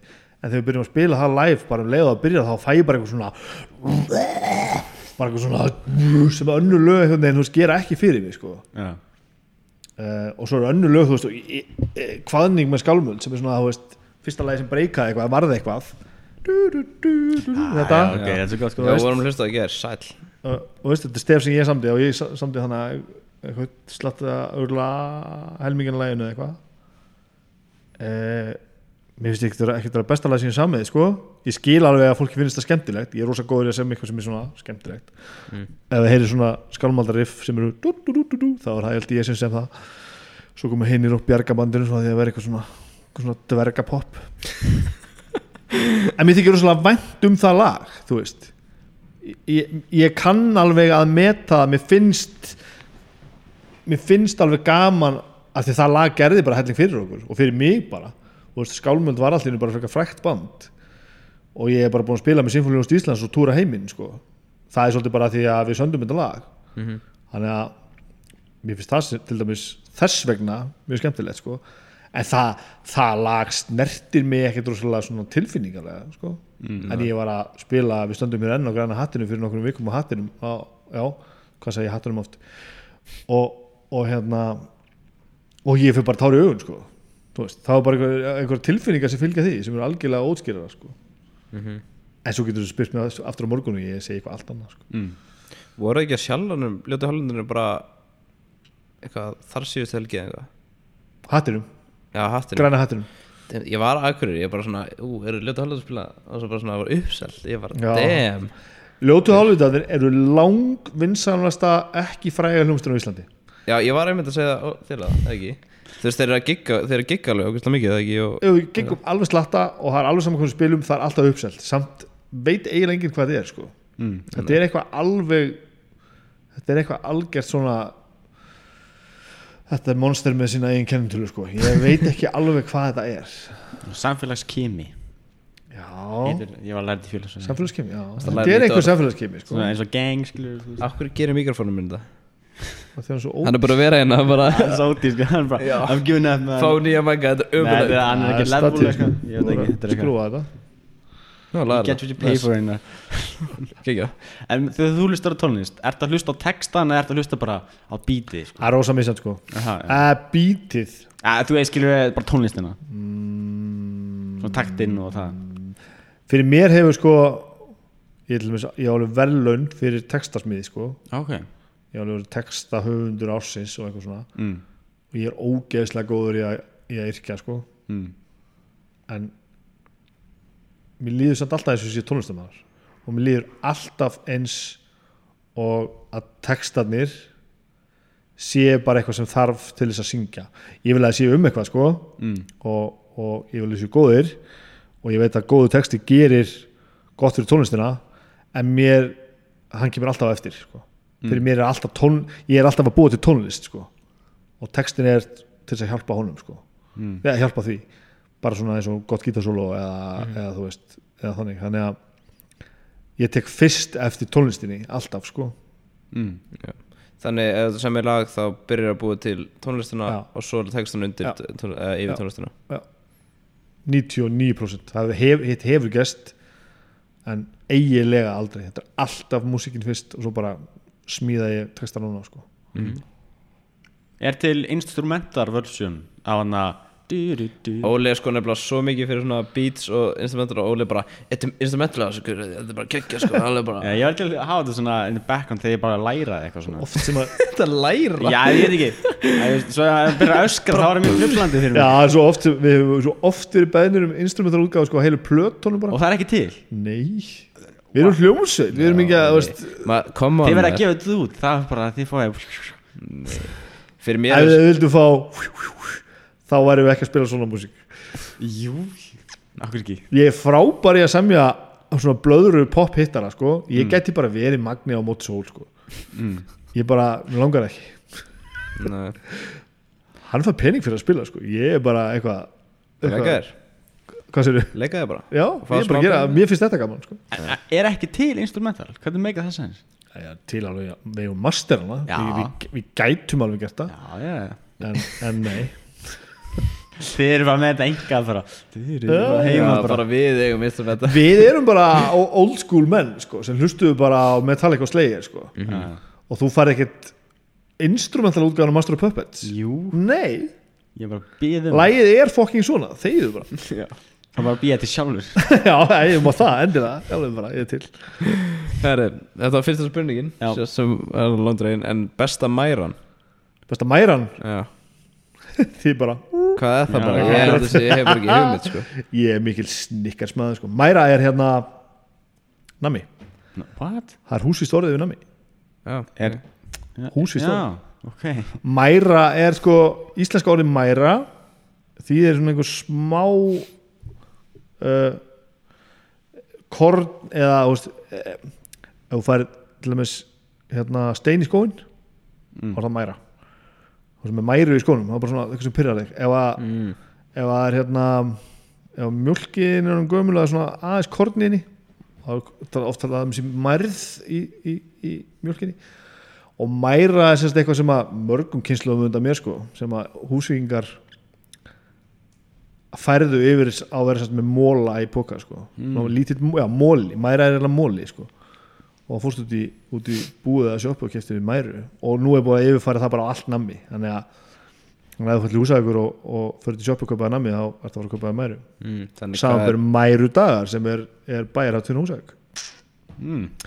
upp á þess Nammi eitt sérst upp á snafnum mitt ég, ég, ég er rosa kókó snickers kall sko, ég er bara Sneakers. Ég er hérna, sneakers. Ég er hérna meira að gefa fyrir að borða kjöt og ost heldur en nammi. Mm. mm. en já, Ostakall. Vil, mitt þeng er bara þetta hér, þetta er bjór kjöt, salt reykur og eitthvað biturt sitt bara feitt og, og mikið að því. Já, ok. Sikur er ekki alveg þengi sko. Nei. Já Þannig að þú getur fara á, hvað heitir þetta? Keto Það er ekki eitthvað þannig? Ég er náttúrulega ekki með a- fyrst alveg ekki með aga eða eitthvað svo mm. og svo bara þóli ég ekki svona einhverjar augar einhverjar átt. Nei, Ég veit ekki bara þetta hér mun, það er fokka þess bara, Það er ekki bara, er eitthvað bara fýta bara bara próteinið ekki? Jú, bara protein eða eitthvað. Eða bara kjöt basically já, Ég geti það ekki sko Ég, Ég, já. Ég er svo mikið carbs sko. Jú, þetta er eiginlega bara fita Maður bara steikið bara upp úr smjöri Bara smjör stikki, sko. Það er bara eitthvað ég bara- geti þetta ef einhver kæm alltaf bara með þetta til mín Já, sko. já, en ég nenn ekki að hugsa svona mikið sko. Nei, nei. Það er bara bara þetta í matinn og þá borða ég það sem er í matinn. Já. Herru, upp að skálmaldar tónleikar. Ah, djöfull er þetta gott það er rosa erfitt að segja ekki þú er symfoníu gigið fyrsta sko. Af því það var bara svo ótrúlega upplifun sko. Bara með þrjá kóra og hundra manna symfóniuljómsett og full eldborg og bara eitthvað og við bara eitthvað vorum bara að stoppa hljómsett og stóðum bara svona miður síðan og bara hvað í helvítinu erum við að gera hérna? Það var styrlað sko. Mm. það var rosa mikið gimmick samt. Það var svona það var svona hérna þú veist, það er ekki svo skálmöld gerir venjulega. Mm. uh, við spilum gaman að vera í þessari hljómsveit sko. djúvill er búin að gera margt skemmtilegt. Djúvill er búin að gera margt skemmtilegt. Uh, við spilum risastóra tónleika á Hellfest sem er, sem er festival í Európu það var svona fyrsta skipti sem ég man eftir í allavega sem við spilum fyrir þú veist 20.000 manns eða eitthvað. Og það var alveg bara svona ógæðslega gaman sko tónleikar í bíónu húsæk gamalt samkomús, það sem koma svona 90 manns fyrir, veist, alveg hinum einn sko, Já. það var alveg legendary gaman líka sko gikk mjög stemma öðru hverju með við það gáum úr plötuna sem var á á gauknum það var alveg glórlust, það var svona fyllir í skegg sko. og það var bara ég var bara hættur með einhvern myndi deyja þar sko. það var ekkert eðlilega gaman sko. Og svo eru fyrsta og annað gigið sem við spilum á Ísnaflíu við spilum mjög mörg árið rauð á Ísnaflíu það var alveg bilað sko. Þannig þessi. Cirka þetta sko. Já. og svo eh, mann ég til gigi í Rúmeníu. Bilaði rútan. Og hérna og við vorum fastir bara einhverjum, einhverjum þjóði það sem var, það var ekkert jú, það var ein, ein ein bensinstöð sem var ekkert mjög langt, hjá, bal, eh, langt frá Baldur labbaði þangað og kefti eitthvað sem við ja, hann held að vera kjöt í dós og hann opnaði það og við smökkuðu það og ég veit ekki fyrir það hlýtur að hafa verið gæludira fóður eða eitthvað sko. það var ótrúlega vond sko. vorum allt og seinir á gigið fórum beint upp á svið og tengdum bara græðunar og fúst fólki á löngu komið í salin og allt og allir vissi voru seinir sko og bara, bara margar rútur á dóti og bara öllu hend inn og bara rig- riggað upp og höfum enga tíma til að gera neitt. Mm. og við settum í samband og byrjum að spila og við heyrðum ekki neitt í neinu sko. Og rúminni er svona svolítið gróf það er svona svolítið reykt inni og svona og maður er svolítið að fara aftur í tíman sko. Svona rár stór klúbur og það var alveg meihemst sko. það var svo hryllilega gaman. Og svo frumstætt einhvern veginn og, og við vorum svo mikið bara komum úr ykkur svona stressi og bara svona komin á staðin að gera þetta einhvern veginn og það var ógeðslega gaman. Mhm. En það er fáranlega gaman að spila með skálmöld sko. það er eiginlega bara alltaf ógeðslega gaman sko. Það er vandræðilega sem gest á tónleikum ég hérna ég fæ kjánarhaldlega í hugsa um það sko að vandraðar eftir sem hefur gerst á tónleikum hjá mér þegar við spilum og þetta var í fokking Eldborg sko. Og það voru symfóniljónstin var á, á sviðinu sko og það var allir að horfa. Og við vorum að spila Árás sem er fyrsta lagi á fyrstu plötunni. Og þegar lögin voru útsett Halli Rauði, Haraldur Sveinbjörns hann útsett öll lögin með Gunnari Ben sem er með, með í skálmöld. Og lögin voru útsett alltaf mikið sko, fyrir symfóniljóst og kóra og eitthvað svona en og svo eru hluti sem við erum vannin að spila sem að sinfónían spila og við stundum hættum alveg að spila eitthvað. og svo var sumt lengt til þess að þú veist bara og eitthvað sem hafði komið tvisvar kom fjóri sinum eitthvað svona. Já. og það er svona drott án í skálmöld. Sem vennilega hljómborið tekur. En það voru bara svona fiðlu sem spiluðu þetta. Og það var lengt um helming sko, til þess að það er svona ennþá stærra svona. og um leið og sérst við komum út úr þessu þá kemur sérst bassatróman inn og allt. Og við öskum hérna ég sá eitthvað svona börni mín tætt og eitthvað svona alls konar stungar rocks eitthvað ég glimti að vera búið að lengja droppdánið um helming sko. og ég svona þess að ég er ægilegu titlingur svona svartklæddur og loðin og stór og mondin eitthvað svona á miðju sviðinu með sinfóni fyrir fram og kóran fyrir aftan og eitthvað og að vera að spila þennan kapla sko yeah! Átti alls ekki að byrja að syngja. Að það var bara fiðlunar og fallega stöfið og ég að segja og mér leiði svo skelvilega sko. það voru hillilega heldur þetta að það verið klift út eða hvort það voru ekki tónleikarnir sem voru, voru gefnir út eða eitthvað. Ég hef aldrei hýrt þetta og aldrei séð þetta og ég þarf ekki að gera það sko. Þetta er eitthvað til einhver stór YouTube. Nei, samt er ekki. Góð pæling sko. Þannig að flest lögin af öllum tónleikunum eru eiginlega til sko. Ég þór ekki að leita það sko. ég verð djú, ég var ég, ég, ég verð mjög sjaldan ég fæ ég vildi ekki móral sko. Hvorki að ég kannu svona yfirlega að haga mér líka sko, þannig að það hjálpar. En þó ég fokkingur upp mér er eiginlega alveg sama sko. Og fyrir mér eins og að spila tónlingum stór partur af því er að gera mistökin og koma út úr í á hinum endanum sko. Mm. það er svolítið það fyrir mér að fara á tónleika að fara á tónleika og sjá einhvern rugglast það er bara skemmtilega sem ég veit sko. Bara upp á spandum þetta spila ógeðslega vel og svo bara fokkan einhver einhver upp. Það bara þá er þetta svo mikið alvöru sko. Uh, þannig að yfirleitt líður mér þannig með sjálfum mig líka sko þetta var bara ómikið sko. Djúvillin maður.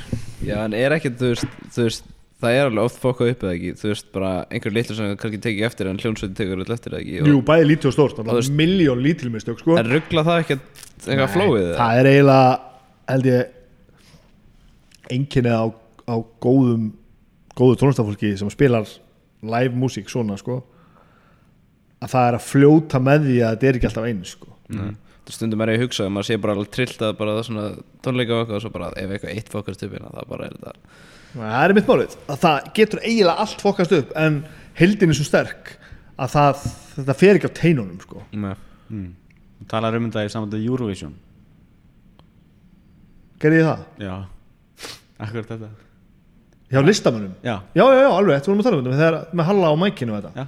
nákvæmlega, uh akkurat, akkurat það er nákvæmlega þetta nákvæmlega þetta En það var hins vegar með, á teipi sko. Þannig að það var minna sem gætt klikkað þar En það litla sem gætt klikkað var það að Halli barðinu í mikrofónina Því það var ekki á teipi sko. mm. En það var alltaf skeðveikt Hann Já. bara barði gítar hérna, hérna mikrofónstatu í, í gólfið Og, og mækinn hans flög bara til loftið Og, og hann þurfti bara Og ha- það eru fleiri hundrum miljón manns að horfa sko. Mm En Halli er bara pró Þannig að hann bara fór Og bara úst, Bara dansaði þessi áttuna mæknum Og tók hann bara upp og kláraði lagið sko. Fólk sem að er ekki vandi að koma fram Bara, ég veit og finnst eins og eitthvað að hafa verið úskes það fór ekkert úskes dattið fokking mikrofón í gólfi Skýtir engu. Það er Herri, að borga hann sko. það er Herri. svo græðist Óli er þannig sko. Óli myndir stökka sko mappbúkinni eða fyrir að bjarga mér hvernig mæk var það? Hvernig mæk var þetta? Manstu, já það var í FNU 7 það svo heldi um mækin hana já, já, hann að gera hann að skets nei, hann að Rikki G heldur við einn plótur og fór á já. mækin. Óli bara Er allt í lægi með mækin? Það er bara RE20 hann að skipt, skipti máli kostar 50 skall sko. Svo bara Óli það var tölva ná, Þetta, bara, þetta hefði ekki allt á gögnin maður, hugsa um gögnin það er sem að segja hugsa um börni hugsaðu um gögnin Herði, síðasta spurningin er hvað tónlist hlusta þú á? síðasta spurning, þú veitir ég óvinnsæl hvað tónlist hlusta ég á? Mm. upp á spandumint heitir Bad Religion og er amerísk punkband það var stopnað einhvern tíðan 1980 og er ennþá spilandi spila svona melodist innvortis er rip-off af Bad Religion Mm. það er bara þannig þetta, maður þetta er það sem maður gerir maður bara finnur eitthvað sem að mann finnst skemmtilegt og gerir eins og það og það verður ekki eins og það því maður er sjálfur að gera það sko. Uh -huh. það munur að herma eftir lutunum með að reyna veist, að, að komi sitt teika á það sama sko. eiginlega allt sem ég gerir er eiginlega eins og tala með hlaðarpi sko. ég myndi hlusta á eitt viðtal með, með Mark Maron þá myndi heyra það að ég er að gera nákvæmlega sama sko. Samt öll viðtölu eru bara eða svona viðtalað að hlaða upp eru bara mjög svipi sko Þú veist, og þú ert eiginlega ekkert að stelið og byrja, byrja Nei, þannig nei. að sko það er samt eitthvað við að hafa einhvern svona fyrirmyndaði sem er að gera og einhvern veginn svona Já, vera auðvitað. eitthvað teik sko. eh, ég hlustar svo mikið á punk og þungarokk eh, ég hlusta á ég hlusta á allan anskotan sko. ég er í hvað ég á marga plötur sko. Um, ég hef hlusta á Peter Gabriel í gær. Ég hef hlusta á Cure í fyrradag. Ég hlusta á Lamb of God í dag. Ég hlusta á Adele í vikunni skilur við ég veit hvað það er. Hmm. Ég bara, ég veit hvað það er. Eitthvað þú, já, þú veist ekki rest, restin nei. Ég, ég minna í ný, nýra stöfi sko. ég er pínu fastur í í því sem ég hlusta á þegar ég var yngri og það sem það fólk er að gera núna mm. og ég, ef ég er að hlusta á nýja músík þá er það oftar tónlist sem að kannski veit ekki svo margir hvað er sko Mm. um, en ég er alveg, ég er alveg gefin fyrir mér finnst öfgafull músík skemmtilegt uh, en ég er líka rosalega melodíu kall sko mér finnst rosa gaman bara þegar að bara svona litla sættar melodíur eitthvað svona serviskulegt pop og eitthvað svona tótt sko. Hlustar hann ekkert um þínu tónlist? Þú veist eitthvað eftir þig? um, Nei, ég set það ekki á sko. Viljandi bara á lötu halvutana, bara í bílum Nei, uh, ég geri það það, ef ég geri það þá er það svona serimónia tónlistin verður að vera hann ákveð gömul sko. ég verður að vera búin að gleyma Þú veist, ég get ekki hlusta á nýjustu hlutunum með ljótu halvvöldunum eða með skálmöld sko. þá er ég bara að hlusta á snýrislándið eða hvernig platan er sko. En sérstaklega eins og núna þú veist að því maður er bara, bara gamall og feitur sko að nú er veist, elsta ljótu þess bara að vera 15 ára. Já, og þá er pínu gaman, þá, þá er maður bara, bara saman sko. Uh, meira gaman þá að gera það með strákunum til þess að svona fara að hlusta á bara já, þetta, við erum að gera þetta þá er maður svolítið svona að rifja upp sko. Uh, nei, annars hlusta ég ekki á mitt út nema bara þá bara ef ég þarf þess bara ef, ef ég er að uh, rifja upp einhver lög eða velja eitthvað fyrir einhver útgáfur eða hvort, hvort við erum að breyta prógraminu eða eitthvað svoleiði sko. En almennt þá ger ég það ekki sko Nei. ég er ekki eins og vissum að finnist hljómsendum minna skemmtilega sko. ég er ekki eins og ég myndi hlusta á skálmöldu ef ég væri ef ég hefði enga tengingu við skálmöld nei Góði sölum, sölumæður hérna. frábært að vera, að þið með hlusta þetta, mér er þetta undlega Nei, þú veist, ég, ég, ég, ég er stoltur af þessu og ég er, ég er ekki þú veist, að segja þetta sé lélegt en, en ég er ekki vissum að þetta sé alveg það sem ég myndi hlusta á samt sko. Nei, Nei Nei, ég, já, ég myndi ekki hlusta á þetta hlarp sko nei Sko, ekki eftir að maður er búin að klippa til hlaðar þá er maður eiginlega bara búin að hlusta. Já, við erum já, með við sérst með multicam að klippa milli myndaðala Fyrsta er viðtalið sem gerum með Þorgrím Ég var svo stressaði með það að ég hlustaði held í fimm sinnum að hann með gáð út. Það er, er tveggja tíma þáttur sko. Já, Af Því ég var ekki viss um að klippi væri lægi og eitthvað. Núna er maður bara export of here Já, Já, maður þarf líka að gera þetta. Maður þarf að læra, sko. Þú þarf að komast yfir hérlan og bara svona fuck it, sko. Mér leiði svo sko, ég myndi exporta og þá myndi allt í einu sita tölum minn myndi sitja bara eitthvað í fælinn bara eitthvað, allt í einu kemur bara eitthvað bara, ég bara, shit, ég þarf að hlusta á þetta bara, bara til að vera vissum að það sé í lægi sko. já. Ég var ekki að treysta forutinu sko. En svo náttúrulega eru þú veist, fyrir samfélagsmiðla og eitthvað Ég er pínu byrjar að hlusta á þættina Þeir eru konar á Spotify sko. Já, Bara þeir eru vinnunni eitthvað og svo nóta niður það sem situr á sérst, interneti eða þú veist, Já, TikTok, TikTok, já. og Instagram og já, alltaf. Er þú þetta ekki að því þannig? Þú veist, taka eitthvað klippur, eitthvað sko ég, er með eitthvað alveg ótrúlega Ég nenni ekki að hlusta á það sem ég er búin að sjá og heyra, sko mm. Ég get ekki svona hort á sama Simpson þáttin aftur, sko What? ekki Nei, bara ég er búin að sjá einhverja bíómynd þá bara get ekki hort á hann aftur bara Ha? fuck that sko og meira þess að ég er svo illa haldinn sko ef, ef Agnes er búin að sjá bíómynd þá get ég líka hort á hana með henni sko af því að jú, þó að henni finnst þetta gaman ég er svona meðvirkur eitthvað bara, þannig um leið og ég, úst, ég er búin að taka viðtal og ég er að fara að hlusta á viðtalið mitt og gera eitthvað með því, ég bara ekki fucking sense í fucking helvíti sko En- þið séast bara, byrju, sorry Hvenær Já. tekur upp hlaðarpið þitt, tekur upp samdegis eða? Settu út nei, ég tekum á mándum Já, ég, vinn á Pipar þriðudag til fyrsta Já. tekum við mándum og það er svona eftir hvað ég er skipulaður hvort að hérna hvort að ég hvort að fer út sama í sömu viku sko. við tulum fara út á á 50, eða sérst á miðnætti aðfarnast 50 Já. stundum á ég eitt inni og þá er það hóst, orðið meira viku gamalt en eins og núna þá á ég ekkert inni sko. ég tók bara viðtali gær og það fer út annað kvöld sko.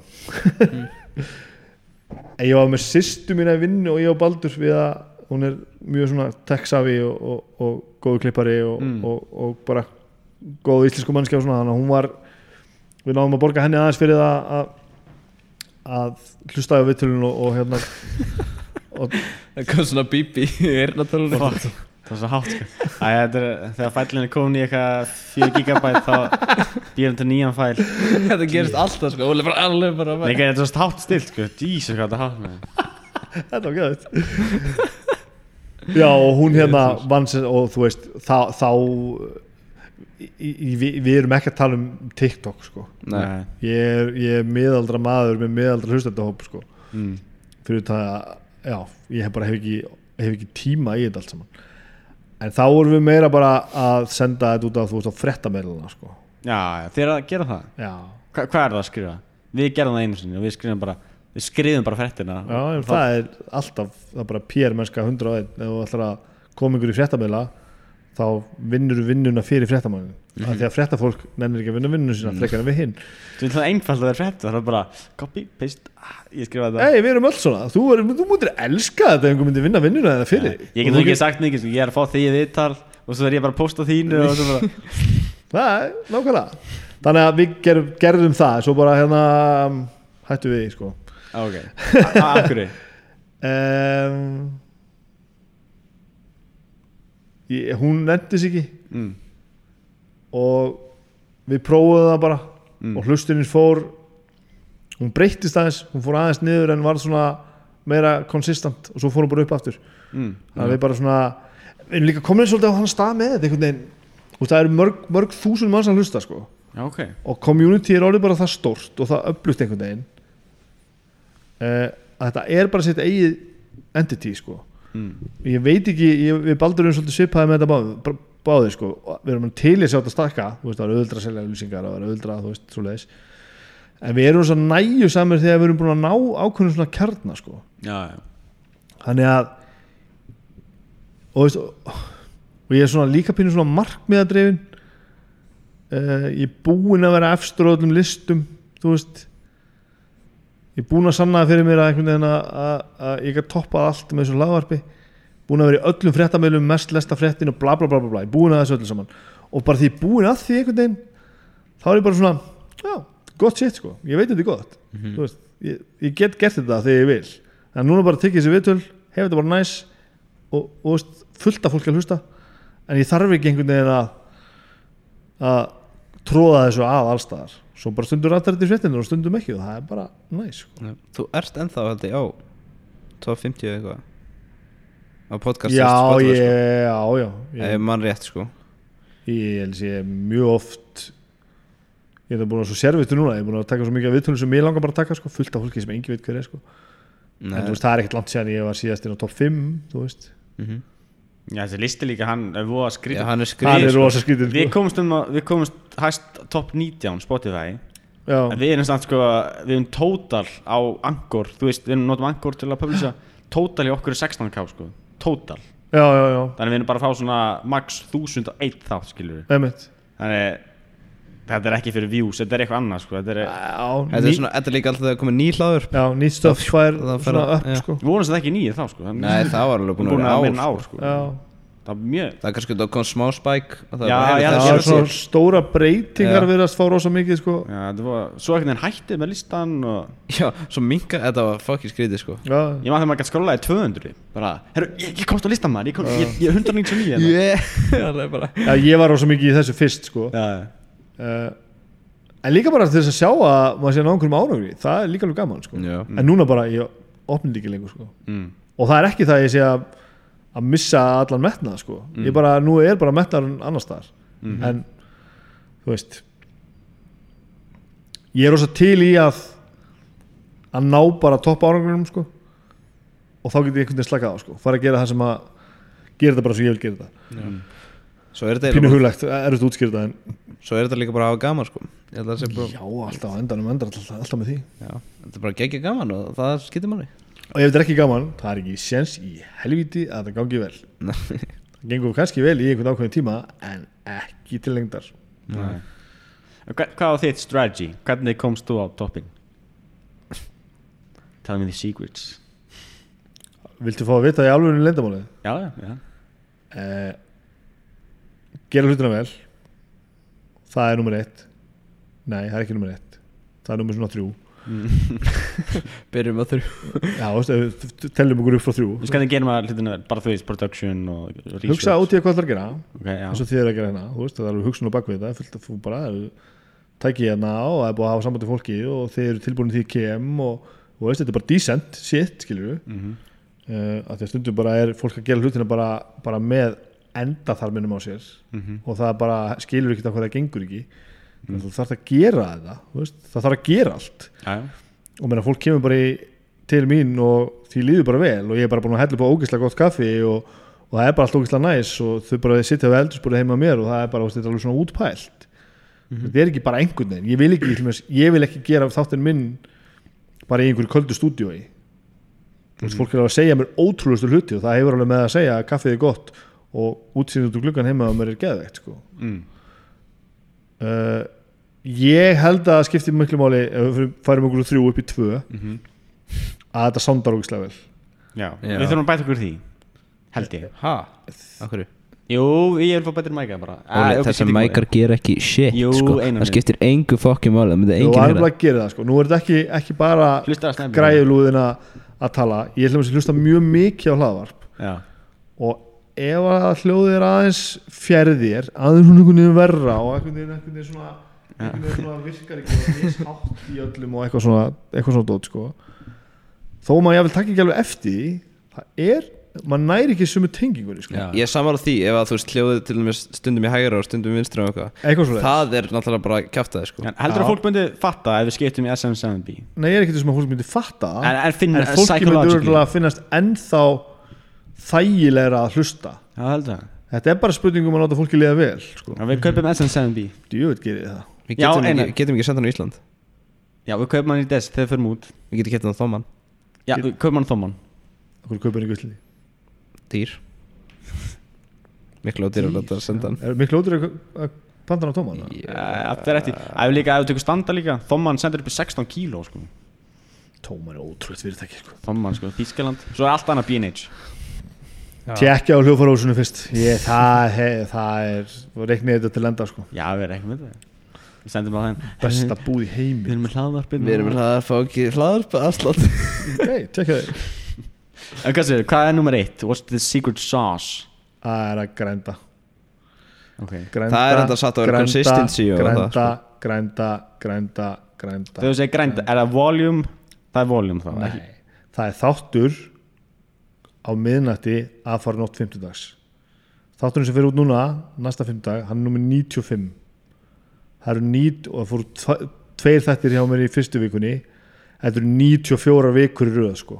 Mm ég nenni sér ekki alltaf sko, ég fokking fyrirlítið þetta stundum, ég þóli ekki þetta fokking drastl Þú veist það ráðan, ef þetta er ekki gaman. Já, já, ég veit það. Í, heildina er þetta nógu gaman. Já, ok, ok. En akkurat þegar börni mín eru að sturta seriósinu á, á eldurskóli sem þarf að helst að vera hreint þegar einhver kemur í heimsókn og vinna mín vill fá mig til þess að koma inn á mánudögum og ég þarf einhvern að djögla öllu og allir út í brjálar og ég er sveflaus og bara það er svo auðvelt að segja bara já, ég sleppi bara þættinu með þessari viku eða þú veist bara mm. ég er ég er ég er sko, ég er fullkomið ég er fullkomna að trúa því að þetta sé það sem að skipti máli í öllu sem að gera sko. mm. það er ekkert mál að hætti í hljómsveitinni Æ, það gengur ekki að hérna, nennir enginn að koma á æfingu og eitthvað Mm. bara, ef þú ætlar að láta ykkur að virka það, það, það verður engin vinsarlega frægur bara svona það, það slær enginn í gegn það er eitt skipta svona hundrað þúsund það sem einhver í alvörunni slær í gegn bara svona overnight þetta snýst alltaf um þetta. Fóða góða hugmynd, framkvæmdara mjög vel og svo verður þú bara að gera þetta og gera þetta og gera þetta og gera þetta og fucking, það var enginn að hlusta fyrstu 10-20 þættina sem ég var með þetta. Hversu margir? hmm. Hver, hversu margir? voru hlusta þá? Já. 500-1000 manns eða eitthvað? Já, það er bara vennlegt sko. Já, menn það er miklu minna en ég er að tala um núna sko. Já, já, já. En samt, Ísland er svo lítið. Hvað það er fáralega lítið, allt og lítið Það er Sko, ótrúlegt það, hvernig er- það það, er er margir það er samt lítið en samt sko og þetta hlaðarp er svo nýtt og allir þú veist, við held að fá ógeðslega margir áhuga á hverjum degi á hlaðarp einhvern veginn svona, þú veist, nú kveikja á þessu skilur mm og ég held að hlaðarp sé bara good shit skilur núna með íslenska markað skilur, eða ekki markað, þetta er þú veist bara svona hvað er hátt uppi já. hvað margir nýta sér þetta og hvað þetta er bara Spotify skilur -hmm. Þegar þú stopnaði þitt hlaðar, að byrja með það Voru þið með einhver, einhver í huga peninga? Voru peningar konir í myndina með hlaðar á þeim tíma? já, við urðum að hugsa um það strax að því að Baldur fór í þetta full force, hann vinnur við það sko Mm. já, eh, ég tók eiginlega bara á mig það að fá eins lítið borga og ég mögulega gætt hugsa mér sko mm. til þess að hann fengi laun sko Já, já, já mm. já, við gerum þetta, en mér, það er fárunætt að hann sé að það að gera þetta sko launin sem hann er búin að fá í gegnum, gegnum tíðina er bara uh, þau eru fáránlega lág sko. Mm. en það er ko- komið núna, veist, nú er hann bara komið bara dísent laun sko. Nei, okay. eh, já, við vorum með það í myndinni frá upphafi en það var mjög erfitt að búa það til. Ok. Og við, við erum ekki svona eins og kannski heyri sko, við, við, þó við séum kærlusir og, og fyllibittur og, og bara ykkur draumur menn þá erum við samt ekkert mikið fyrir það að að ætla að gera hlutir eitthvað geða þrætt sko. þú veist bara, já, gerum bara samling við þennan og bara miljónum mánuð og þú veist við fengið fullt af tilbúðum sem bara þetta er ekki góð hugmynd sko. það er einhver, einhver tala á borðinu en bara ekki til í þetta sko. Myndið þú sérst ekki mæla með neinu sem þú fílar ekki skilur nei. Ég er búin að segja mörg nei en, en sko hlutfærslega hef ég ekkert sagt mörg nei vegna þess að svo kem, kemst maður líka því þegar maður er að tala, tala um sponsor og svona dót, sko. Það eru allir að gera hlutina vel. Það vilja allir þú veist, ef þú ert að auðlýsa kaffið þitt eða þú veist, ég, er að, ég er að plugga sjófa og bónus.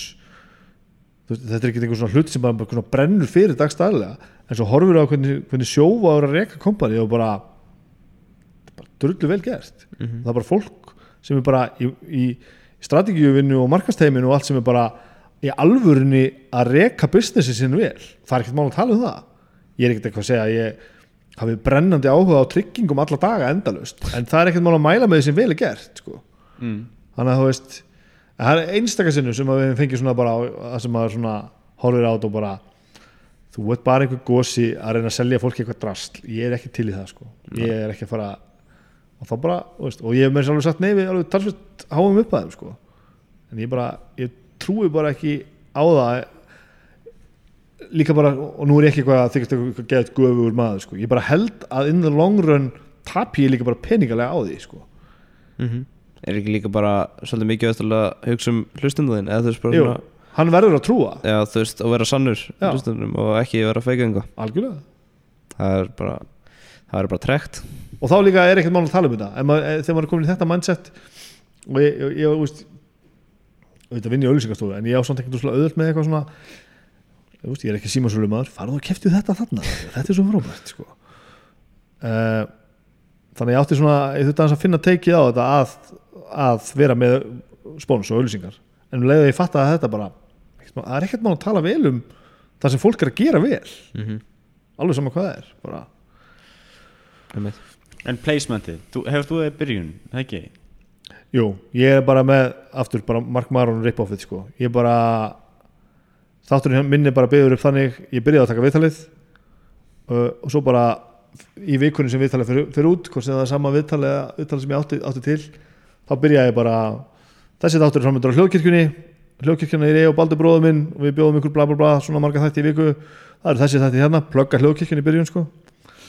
og bara þetta þátturinn snæbutalaði fólk Stef Baldur sem er öll stefin, það kemur bara snæbutalaði fólk stefið og svo bara feit, kem ég aftur, feita, ég- inn og þá byrja ég bara eitthvað að segja frá sjálfum mér sko.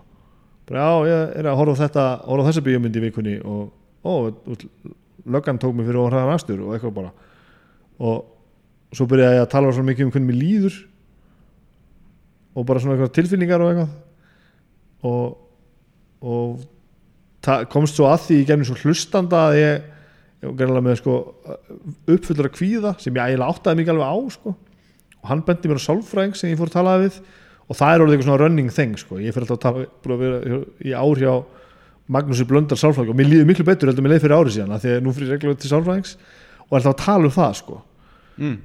og, og ég er yfir bara með eitthvað svona topic þú veist uh, og ég segi fólki bara ég er bara búin að eiga fucking umulega viku og ég er nú yfirleitt frekar uh, líður yfirleitt frekar vel sko ég er ekki þú veist uh, er ekki einhver þetta, þetta hamla mér ekki mikið í lífinu en, en komst að því að, að ég var kvíðnar en ég held sko.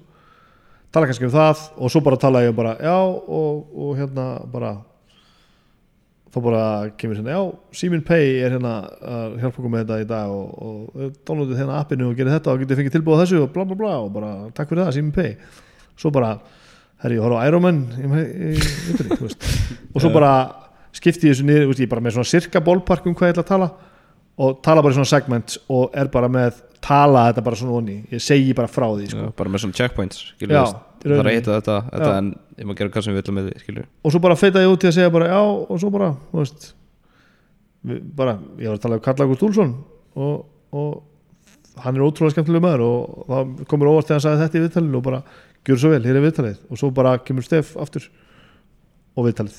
Mm -hmm. og svo feitað út við það viðtalið búið fjórum klukkutími senna eða hvað það er þetta er náttúrulega oft ógislega langir sko. Akkur er það? Já, vá, já Þú, já, þú var sem ógæslega löng podcast Ég maður hlust á Gíslamartin eða eitthvað. Það var fimm tíma Það var rosalegt. Það er ekki það lengsta þessu sko. Ég hlustaði á allt þetta við vorum að fá hann í viðtal. Já, Sæl sko. Það var svo geggja sko, ég elskar svona já það er málið sko. Já, svo feita bara viðtalið niður stef og ég bara kem örstuðt í endan og þá þakka ég aftur bara takk sími pay og sjóa eða hvað er. Mm. og bara svona örstuðt og bara segi og ég líka nota hlaðapi til þess að plugga sko ef hálfvitandur er að spila. Bara, þú veist, skálmöldu er að fara að spila í Eldborg göpið með á Tix, þannig að ég líka plugga sjálf á mig sko þetta er alveg, þetta er alveg þetta er strategist sko. Og er, er þetta eftir þessum markaði? eftir, Markana fyrirmyndinni henni? Já, Mark Maron gerir þetta sko, hann er stand-up komedian mm. hann selur þess miðana sína svona. Já. en hann er með svona, segi frá hvernig hún líður eða hvað hann er að gera. Ok, kemur ok. svo með, hann er, hann er enda sko munurinn á mér og, og hvernig hann gera hann er alltaf bara með hann er með lesin pistil sko hann er bara að skrifa Ah, niður sko mm. mm. pluggið sem bara líka næst sko Mm. Leng, lengdin á viðtölunum, já það gerðist þannig að ég held þetta alltaf að vera svona klukkutími og korter einn og hálfur alveg max sem að ég held að hljóta að bara tellast frekar eðlilegt sko Já. Og fyrstu viðtölun eru cirka þannig sko, kannski aðeins lengri svo fóruð eitthvað aðeins að tegjast. Svo tók ég viðtalið Flosa vinn vin minn sem er með Baldri í draugum fortíðar. Hann er náttúrulega eitt flóknasti maður sem ég kynst sko, og stórkostlegur maður sko. Á ótrúlega æfi sko, misti pappa sem hann var ungur og búin að fara, fara í gennum fáránlegt unglindi sko, alveg bara og bara litar hann alltaf og geður hann alkoholisma og alls konar dót sko. Og við erum bara vinir. Og við sátum bara saman og vorum bara að tala saman og allt í vorum bara að tala saman í fjóra klukktíma og svo bara kláruðum við viðtalið og, og, og ég bara hring, ég, mátti að hringdi ekki Baldur, ég myndi aldrei hringja neitt. Hitti Baldur og, Herri, þetta er lígi Þetta er lígi og við fórum bara eitthvað hvað er að gera við þetta? Hendur svo bara. Hvað er að gera við fjóra tíma viðtal? Þetta er fáránlegt. Mm. Baldur var eitthvað pælið hvort ég var að klippa þetta niður og ég bara það er ekkert annað sem ég langar að klippa út. Nei. við tölum uh, og, og svo datt okkur í huga að skiptis í tvent Snorri Björs hafi tekið viðtal við Magnús Geving sem var svo langt að hann senda út í, í tvær vikur veist, hluti 1 og, eitt og 2 og ég einhvern veginn pældi eitthvað því og bara veist, það, mikar ekkert sens veist, það er ekkert það vantar ekkert það þarf ekkert pláss í veist, það er pláss á internetinu sko það má alveg koma langur þáttur. Þannig að við ákvaðum á endanum að- bara senda þetta út setja þetta bara út eins og þetta var og það breykaði bara strax fólki fannst það bara, hefði ekki bara með lengdin að gera er viðtalið var geðveikt Flósi var að koma hann og sagði ótrúlega hluti sko, þetta er bara eitt sturlaðasta samtali sem ég átt og þá fór ég bara að læra það að þetta hefur bara þetta er bara eins langt og þetta er sko. Mhm. og ég hef alveg tekið viðtal sem eru 5,5 tími sko. Það er rosa langt. En fólk líka hlusta samt bara svona það bara setur í gang og svo slekkur það bara þegar það er að fara að gera eitthvað annað og svo bara setur það aftur í gang og þá bara byrjar viðtalið aftur. Þú þarft ekkert að hlusta í einu lægi sko. Nei. Við erum enda að klipta mér svona þáttu tvent sko. Já, Það var ekki alveg múði sko. Eh, bara gaman að pröfa. Já. algjörlega. Og meni, ég held að sé ekki rétt eða rangt í þessu og við, við hefðum alveg getað farið þá leið. En við ákvaðum að gera það ekki og eftir það þá bara en þá þurfti ég líka að læra að sum viðtöl þurfa ekki að vera svona löng sko. mm. ég var farin að lengja stundu viðtölu þegar mér fannst það svo töff sko. Já, svona forsa. Já, ég er gaurið með löngu viðtölun, ég ætla að hafa öll viðtölun þrjá tíma eða meira bara, nei, nei, nei. tíma. Já, og það.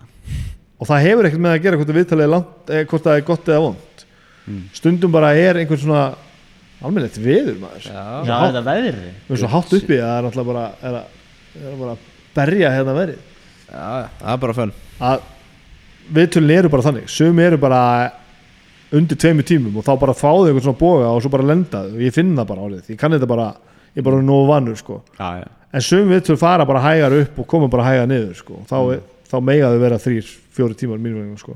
En fólki sem býr heimi hjá þér Þú bara hleypir því ekkert inn Bara læsir. Æ, ég er náttúrulega að gera þetta bara að bara þú ert, kemur bara í heimsókn klukkan hálf 11 á Já, það þá eru bara og krakkarnir vinnu í skóla og leikskóla og, og konan í vinnu sko. mm.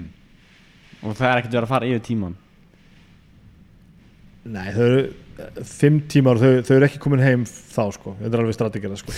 Ég veit alveg hef tíma Allt Ég- börnin úti bara bara 11 þá, ég veit að þá er ég pottið búin að stilla allu upp að ég nenni ekki að stilla upp á kvöldin af því að þá ættir að borða morgumann við borðið og gera allt, þetta er bara eldspúri heima á mér sko. Jú. þannig að ég þarf að skópla liðin út stilla upp draslinu, tengja þetta allt saman hella upp á kaffið þrýfa klóstið, skilur við svo ber undir sko.